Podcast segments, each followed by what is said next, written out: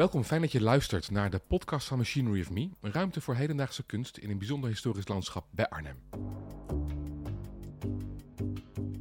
In deze podcast geven we je een inkijkje in het gedachtegoed van de kunstenaars, wier werk we vertonen, en die daarmee nieuwe lagen toevoegen aan een locatie die continu in beweging is.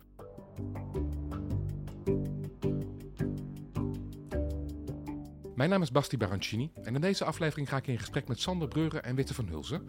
Bij Machine With Me zijn momenteel maar liefst twee werken van hen te zien.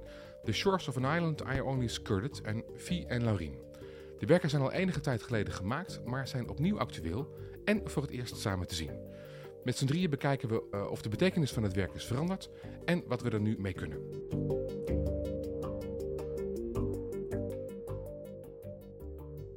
Sander en Witte, hartelijk welkom. Dankjewel. Dankjewel. En voor de volledigheid is het goed om op te merken dat we hier met drie mannen zitten en één baby. Dus we kunnen af en toe wat geluidjes horen. Uh, ik begon net de intro met uh, zeggen dat het uh, wat ouder werk is. Dat van jullie vertoond wordt bij Machinery of Me 2012 en 2015. en dat eigenlijk in een tijd dat alles altijd nieuw moet zijn. Ja, dat ja. klopt inderdaad. Is nieuw altijd beter of maakt dat met kunst eigenlijk niet zo heel veel uit? Nee, we, wat wij, ja, in, in de kunst denk ik dat een uh, werk dat gemaakt is in het uh, oude Egypte, zeg maar, even relevant kan zijn als iets wat nu gemaakt is. Wij, ja, wij vinden het ook. Gaat het dan meer om schoonheid of gaat het ook om relevantie? Ja, het, het is niet op één manier dat dat kan, denk ik. Dat kan op heel veel verschillende manieren en dat is ook heel persoonlijk, denk ik. Maar wij houden er wel van om op die manier over kunst na te denken. Om uh, een, een, een, kunstwerk uit de vroege middeleeuwen ja, eigenlijk op dezelfde manier naar te kijken en over na te denken als een werk dat uh, ja, door een vriend uh, gisteren gemaakt is. Hoe kijk jij daar naar? Want als ik bijvoorbeeld in het, in, het, in, het, in het Rijksmuseum loop en ik zie die schilderijen van 400 jaar oud, dan denk ik het kan mooi zijn, maar het was meer relevant in die tijd. Nee, dat denk ik niet. Maar kijk, ik denk wel dat relevantie is ook iets, hè, van, en überhaupt een kunstwerk is iets dat niet, tenminste dat is hoe, hoe ik dat zie, is niet iets dat buiten de kijker staat, laat maar zeggen. Van de kunstwerk is eigenlijk maar, het object is maar 50% van het kunstwerk. En de andere 50% is... Van het kunstwerk, dat is... Ja, dat is, dat is in de kijker. De ontvanger. Hm. Ja, en um, dus ja, die relevantie, dat ligt er ook vooral aan, ja, aan degene die kijkt. Of diegene in staat is om die relevantie ook te zien. Maar wat die ermee doet. Ja. Goed. Toch wil ik zo direct graag met jullie drie uh, nieuwe aspecten bespreken. Uh, maar daarvoor is het misschien wel goed om toch nog eventjes te benoemen wat die twee kunstwerken uh, zijn. Ja. En, ja, in, en, en, hoe ze ontstaan zijn, vanuit welke gedachten. Ja, ja we hebben, er zijn dus twee werken gezien. The Shores of an Island, I Only Skirted. Ja? Is een, uh, hoe is dat ontstaan? Ja, het is een video-installatie die we hebben gemaakt eigenlijk naar aanleiding van de aanslag op Utøya in Noorwegen. Ja, in anders, anders Breivik. Ja, dat was in 2011. En um, ja, we zijn eigenlijk in eerste instantie naar dat eiland toegegaan. En uh, hebben met de Arbeiderspartij gepraat. Die, uh, het, het, eiland is eigendom van de Arbeiderspartij van Noorwegen. En die organiseren daar uh, ja, elk jaar een zomerkamp. Voor, Jeugdbijeenkomst, hè, geloof ja, ik, ja. Ja. En dat is ja, voor in, het voor in het leven van heel veel van die mensen die met die partijen verbonden zijn, is dat gewoon echt een, ja, een hele bijzondere en, en waardevolle plek. En um, ja, daar heeft hij uh, nou, 70 mensen doodgeschoten. Vooral uh, kinderen. Of pubers. Nou wilden er volgens mij best een hoop camera uh, ploegen daarheen. Waarom lieten ze jullie binnen?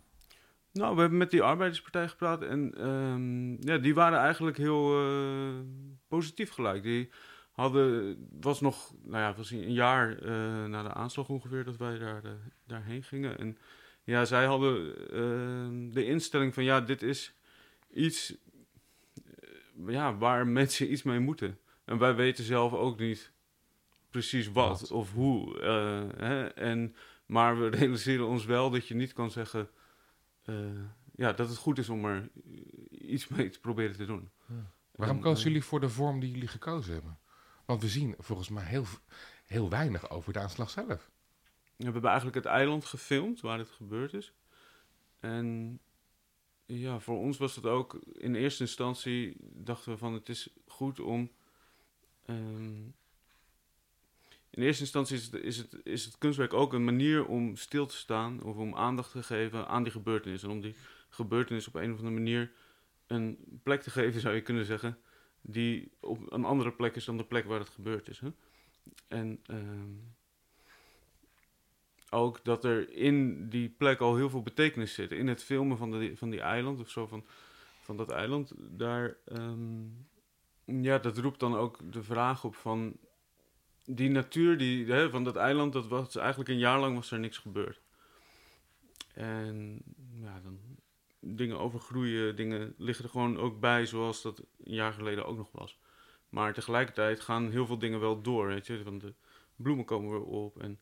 eh, Zoals het eigenlijk al tientallen jaren gebeurt, honderden jaren, duizenden Ja. jaren.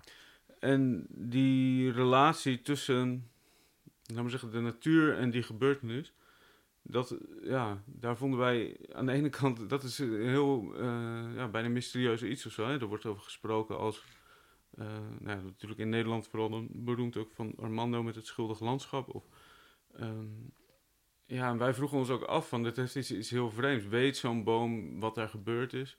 Of dat je opeens jouw kennis van wat daar gebeurd is wordt geconfronteerd met een vlinder die daar vliegt. En dat je denkt van, aan de ene kant heeft het alles met elkaar te maken en aan de andere kant helemaal niets of zo. Hè? Dus er zit ook zo'n dubbelheid in van, De boom en de vlinder maakt het helemaal niks uit wat daar gebeurd is. Het zijn wij mensen die daar een betekenis aan geven. ja precies. Hmm. En, en, maar tegelijkertijd is die plek ook beladen en dat is die, hè, en is die geschiedenis is daar ook. Dus het is een, een, een, een het wringt ook ergens. Hè? En aan de ene kant kan dat troostend zijn, dat, dat die natuur een, een soort onschuld in zich heeft. En aan de andere kant kan het ook een soort hele vrede onverschilligheid zijn. Of zo. Nou, dat wringen, dat, eh dat heb je mooi in beeld gebracht. ja. Zit er ook wringen in, eh, in de tweede film? Via en Lorien? Ja, het uitgangspunt om, was om een portret te maken van twee vrienden van ons. Mhm. En hun te bekijken op een andere manier dan we normaal gesproken doen. Eigenlijk Ook dat is gelukt. mensen die heel dichtbij je staan, waar je veel mee gewerkt hebt, die je goed kent. Van, Mhm. hè, om die extra van dichtbij te gaan bekijken. En eh, achter te komen wat je dan gaat zien. Ook een beetje het idee van als je maar, maar extreem genoeg op iets inzoomt, op iemand inzoomt, dat je dan niet tegen een soort blinde muur aankomt, maar dat dan eigenlijk een soort ja, eindeloos heelal zich eh, opent. Mhm. En dat ja, is vrij eh, letterlijk als je zeg maar echt naar iemands bloed gaat kijken onder een eh, medische microscoop. Hè, of naar iemands DNA. Of, Je gaat ook echt in het lichaam. Precies, en dan, dan je kent wel die medische beelden, die een beetje zo kosmisch erachtig uitzien, weet je wel. En eh, ja, we hebben dus ook geprobeerd om, die, om ze niet alleen met, eh met telefoon of met archief of met onze eigen camera te bekijken, maar ook met medische meetapparatuur, die normaal gesproken gebruikt wordt om eh, ja, de staat waarin het lichaam is te meten. Die gebruiken we nu eigenlijk op een dramatische manier. Ja, dramatisch. Want, wat, wel, want welk verhaal wilde je vertellen? Ja, eigenlijk wil een soort ja, kaleidoscopische blik, met allerlei verschillende ogen, kan je zeggen, op hun leven en hun lichaam. eh. Ja, het is Geven. eigenlijk ook niet echt een verhaal. Ik bedoel, het is een film Mhm. natuurlijk. Maar doordat je eigenlijk heel veel verschillende... Hè, dus beelden uit het verleden, eh, beelden uit het dagelijks leven... medische beelden gebruikt. En, Privébeelden, werkbeelden. Ja, en dat je al die soort van verschillende perspectieven... Wordt het, is het eigenlijk meer zoals je een sculptuur van meerdere kanten bekijkt of zo. Of een, is ook een niet soort een, eh, mentale sculptuur. Dat die, ja. Het is ook niet een film die je van begin tot einde gaat kijken. Zoals je normaal gesproken een film in de bioscopen kijkt. Eh, Het is een film waar je op elk moment in kan stappen. Er is ook En- geen begin en geen eind. Nee, daarom. Het, is een, het is een loop, dus in die zin is het ook inherent in de vorm dat het, er, dat het zeg maar, niet een verhaal is, maar meer een, een beeld. Eh, we begonnen dit gesprek met dat eh, beide werken al wat ouder zijn. En Machinery Me heeft daar in dit geval bewust voor gekozen. Eh, ook met de opdracht aan zichzelf en aan jullie. Om werk dat in een andere tijd en context is gemaakt. nog eens opnieuw onder ogen te komen. en er van daaruit weer eh, op te reflecteren. Ik kan me voorstellen dat dat in jullie eh, werk niet per se gebruikelijk is. Je maakt iets. en dan je geeft het aan de wereld en dan is het in principe af. Nou, je reflecteert op zich wel op je werk en bepaalde werken worden wel vaker tentoongesteld.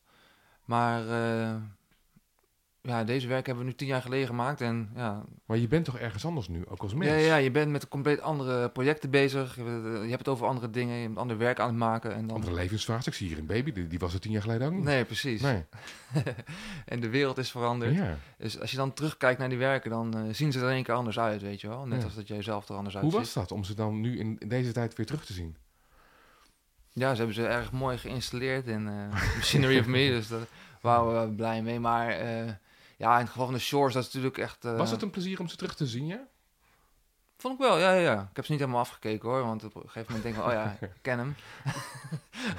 maar eh, nee, bij de Shores natuurlijk van... ehm, dat eh, toen die aanslag gepleegd werd, werd er over Breivik nagedacht als een soort lone wolf. En werd dat niet als eh, rechts eh, extremisme of rechts terreur eh, gezien.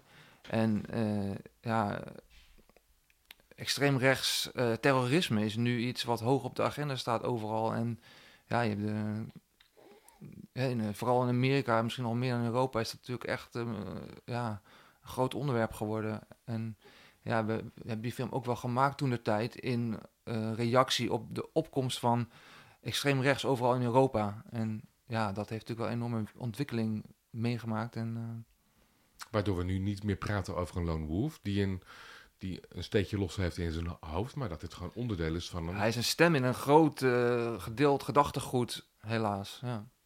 Ja. Is dat apart om dat zo dan te zien, dat, dat, dat de uh, dat de tijd zo veranderd is dat we, daar, dat we anders naar zo'n uh, gebeurtenis zijn gaan kijken? Nou ja, het, nou ja nee, het is eigenlijk wel heel erg veranderd. Want nu ik ook over nadenk van zelfs die vluchtelingencrisis of zo, en dat hebben we eigenlijk nog niet eens echt benoemd, maar die, um, bij de Shores is er, is er ook een tweede kant van het scherm. Aan de achterkant zijn, dus aan de voorkant van het is een scherm dat los in de ruimte hangt. En als een, als een object waar je omheen kan lopen. En op de voorkant zijn de beelden van het eiland die wij gefilmd hebben. Maar op de achterkant is een collage met gevonden materiaal. Uh, veel, voornamelijk van, eigenlijk van internet af. En heeft ook een hele andere beeldende kwaliteit natuurlijk erdoor. Een totaal andere bron. Maar dat zijn allemaal beelden van een reis. Uh, deels reizen per boot ook. Uh, voornamelijk. En ook beelden van vluchtelingen bijvoorbeeld die op zoek zijn naar een nieuwe plek. He, dus die, die, het idee van die, die plaats en die reis wordt tegenover elkaar afgezet. En, en toen Daarmee wordt het natuurlijk bizar relevant nu. In de actualiteit nee, ja. van vandaag. Ja, ja, ja. Nee, totaal. Want, hoe zie je dat? Nou ja, kijk, en ook... Uh, uh, en ook is... de actualiteit van 2015 of zo. Want toen... Uh, ja, toen had je bijvoorbeeld die hele vluchtelingenstroom uit, uit Syrië opeens. En werd het echt een, op Europees niveau toch uh, totaal iets anders. Hoe er over vluchtelingen werd gepraat. En, uh, er was aan de ene kant weer Schaffendas en aan de andere kant uh, Ja. al die boten die, Ja. hè, die ze toch probeerden uh, uit Europa weg te halen. Nou, gewoon het grote drama op de Middellandse Zee eh, Ja. vanaf 2014. Ja. Nu hebben we het grote drama aan de rand van Europa. ja. Uh, waarbij ook uh, heel veel vluchtelingen naar Nederland toe komen de laatste Mhm. dagen en weken. Eigenlijk op het moment dat we er nu over spreken. Wat doet dat met dit, met dit werk, als je daar naar kijkt? Ook de vluchtelingen stromen daar. Ja, ik ben bang dat het eh, iets is van alle tijden en waar denk ik ook mensen op eh, gereageerd hebben in hun schrijven, in hun films, in hun Mhm. kunstwerken. En dat je op een of andere manier probeert eh, te duiden en handvaten aan probeert te geven om er ja, een plek aan te geven. En eh, Ja, en ik... Hè, van specifiek dit werk blijft, nou, merk ik, voor mij wel verbonden met die specifieke gebeurtenis toen in de geschiedenis of zo. Hè? Want het gaat ook echt over dat, dat eiland ergens ook wel heel erg. En natuurlijk kan je dat zien, kan je dat breder trekken als een metafoor voor hè, elke... ehm, Het eiland als metafoor voor Europa. bijvoorbeeld. Ver- ja, of voor de... Hoe, hoe zien jullie dat? Ik bedoel, dat is iets.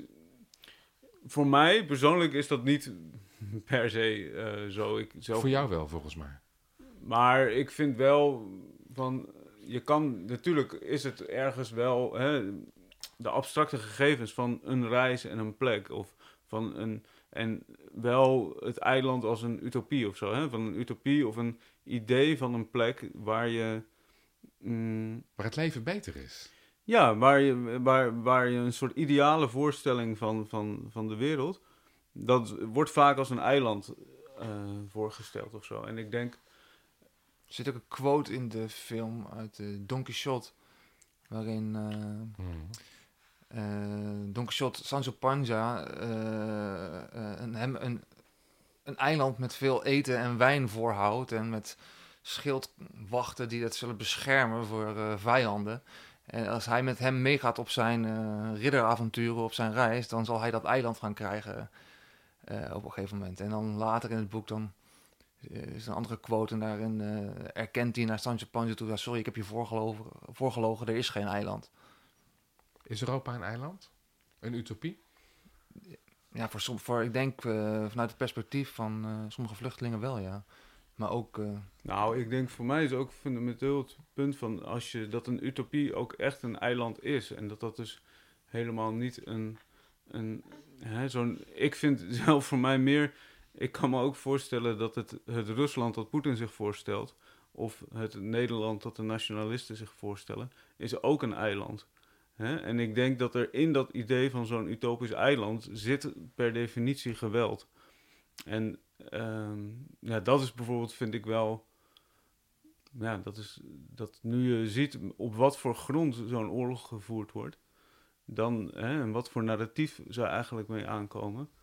En ja, hoe ver, in hoeverre dat lijkt op een, een soort van puur ras-natie. Uh, waar toch wel ja, veel mensen in Europa ook wel fan van zou lijken te zijn.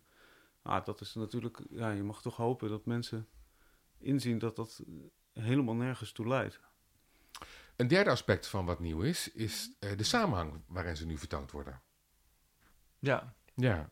Wat gebeurt er met de twee werken nu ze in samenhang zijn?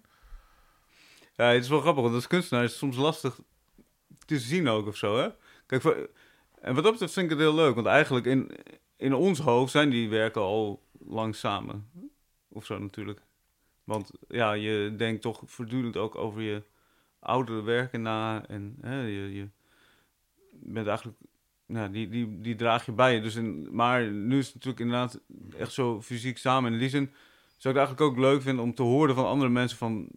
Of ze dat nou... moeilijk om te zien voor ons, omdat je het zo goed kent van binnenuit die werken en daar zo uh, al specifieke band mee hebt, dat je dat best wel lastig is om met veel afstand te bekijken. Om er een samenhang ook tussen te merken. Ja, ik kan er wel een paar dingen over bedenken, weet je wel. Die, maar goed, ik denk dat het inderdaad... Nou, doe maar. Nou, ik vind ergens wel dat, zeg maar, dat, dat, dat, uh, dat, dat, dat het...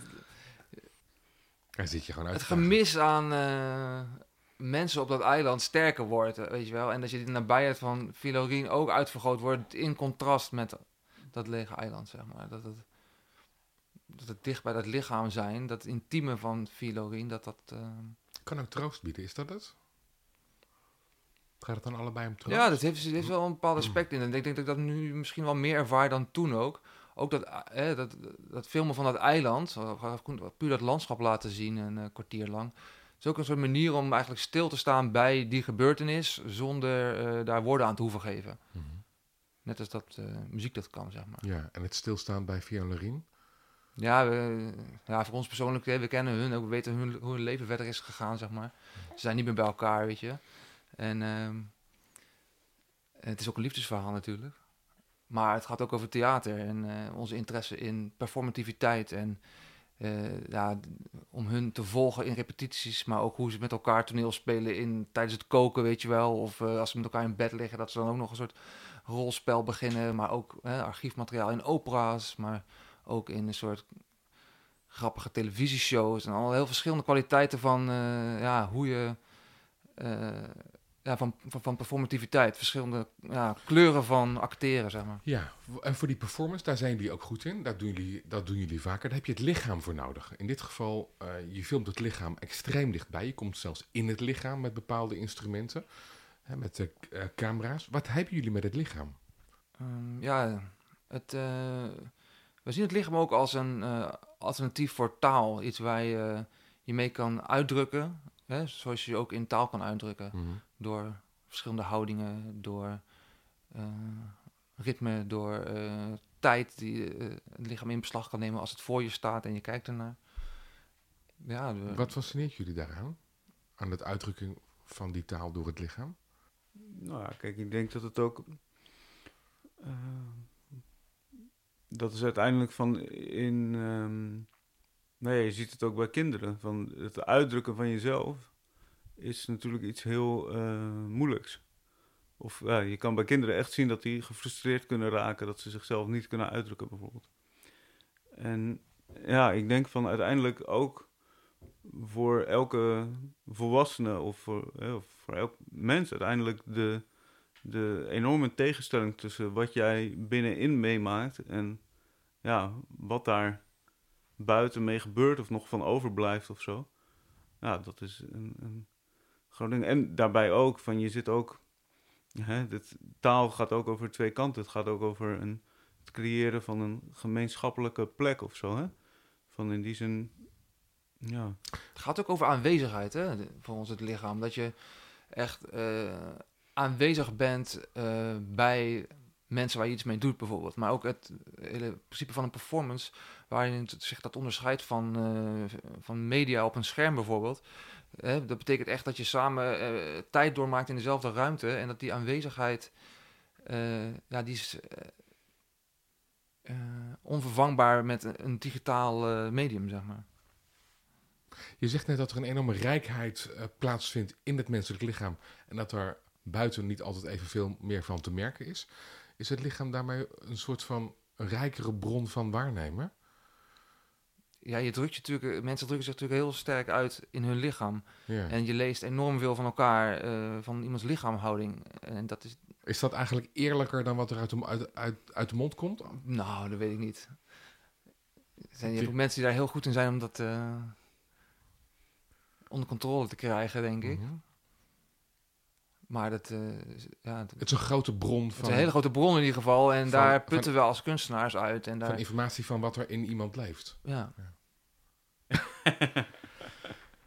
Ehm, Rieke, een van de twee curatoren, heeft eh, een boodschap ingesproken. Ehm, nou, een belangrijk thema in het werk van Sander Breuer en Wit van Hulsen is het portret. Of in meer algemene zin zou je kunnen zeggen de menselijke conditie en de relatie daarvan met theater. Nou, die relatie is bijvoorbeeld sterk terug te zien in hun performances, zoals die op Utrecht Centraal. Maar ook wel in eh, hun sculpturale werk. Eh, bijvoorbeeld in de wachtkamer die ze maakten bij de Rijksacademie.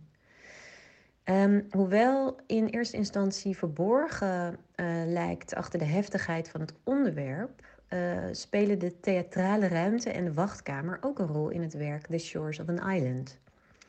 Een strak georganiseerde video-installatie waarin het gelijktijdig afspelen van twee verschillende projecties en de soundtrack de ruimte tot een theater maken. De theatrale ruimte, wat bedoelt ze daarmee?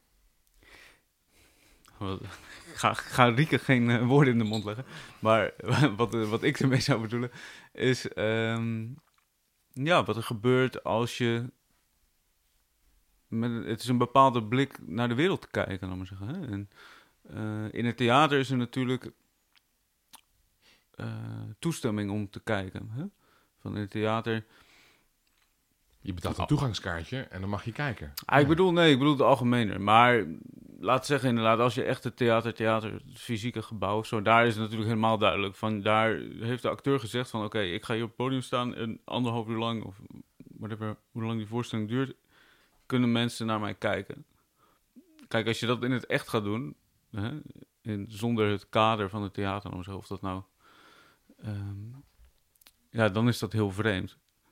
Als jij nou, een willekeurig persoon op straat anderhalf uur lang gaat volgen. En Hoe, gebru- hoe gebruiken jullie die theatrale ruimte in jullie werk? dit is een soort gereedschap eigenlijk. Ja? Het is een manier, het is een manier om een bepaalde eh, Gedrag uit een context te halen? ja, het, is een, het, is een, het is een bepaalde blik. Als jij, hè, en het, het kan heel, het is eigenlijk het is niet zo ingewikkeld. Als jij op straat gaat zitten op Ik een bankje. Kun je voorbeeld geven? Ja? Voor mij is het gewoon zo simpel als dit. Van als je zo iemand op sta, op, op- in het park zit iemand op een bankje en die kijkt naar de mensen die voorbij lopen, dan is het, gebeurt het ook al. Ik bedoel, het is ook zo simpel als dat, hè? Het is een bepaald soort aandacht, een bepaald soort blik op een gebeurtenis. Het heeft eigenlijk ook te maken met wat we het begin over hadden. Dat kunstwerk uit de middeleeuwen, dat jij als kijker nu kan activeren tot iets wat relevant is voor je. Op die manier kan je ook een zeg maar, niet zeggende situatie op een uh, station, mm. of deze drie mensen die bij elkaar op je tafel zitten, kan jij uh, ja, op een bepaalde manier naar gaan kijken en met echt een grote concentratie, waardoor het iets anders wordt. Hè? Of misschien alleen maar op de handgebaren letten, hè? of alleen maar op waar de ogen heen gaan, of zoiets. Hoe wij nu En- met z'n drieën aan een tafel Ja, zitten, en dan is, kan het is ook al theater. in a- Ja. Het kan er tussen aanhalingstekens komen te staan, zeg maar. En dan kan iets een choreografie worden, of een lied, of een dramatische scène. Hè. Dat is op Utrecht Centraal ook, eh, hè, dat, dat die vier acteurs die synchroon gingen. Wat hebben jullie daar gedaan? Ja, we hebben een archief gemaakt van lichaamstaal. Met, eh, eh, door videoopnames te gebruiken, waardoor je een eh, extreme detail krijgt. En als één iemand die choreografie zou uitvoeren, dan zou je hem niet zien, omdat hij zo dicht op de werkelijkheid zit. Maar doordat vier mensen hem eh, helemaal synchroon doen, daardoor wordt het zichtbaar. En dat, eh, die choreografie die, eh, vond plaats tussen de mensenmassa, hè, in, de, in het spitsuur zeg maar. Van, eh, nou ja, spitsuur veel langer, van, van 1 tot 7. Een half jaar lang, elke dag. En er waren er verschillende teams van acteurs die dat deden. En ja, veel mensen lopen daar gewoon doorheen, want je bent natuurlijk gewoon bezig met naar je trein te gaan. Eh, maar sommige mensen die vielen het op. En zeker ook naarmate de tijd eh, verstreek, was de groep mensen die, eh, ja, die, die die performance kenden, werd groter en groter. Dus kwamen ook terug om te kijken. En als je dan, ja, je, in eerste instantie ben je gefascineerd hoe die choreografie gaat, hè, een soort dansachtige kwaliteit heeft. En, maar op een gegeven moment dan heb je ook een oud omaatje in het midden van die vier acteurs stilstaat en de kaartje niet kan vinden en een beetje in de stress raakt. En dan, zijn er, dan plotseling komt zij op het podium te staan en wordt dat een scène.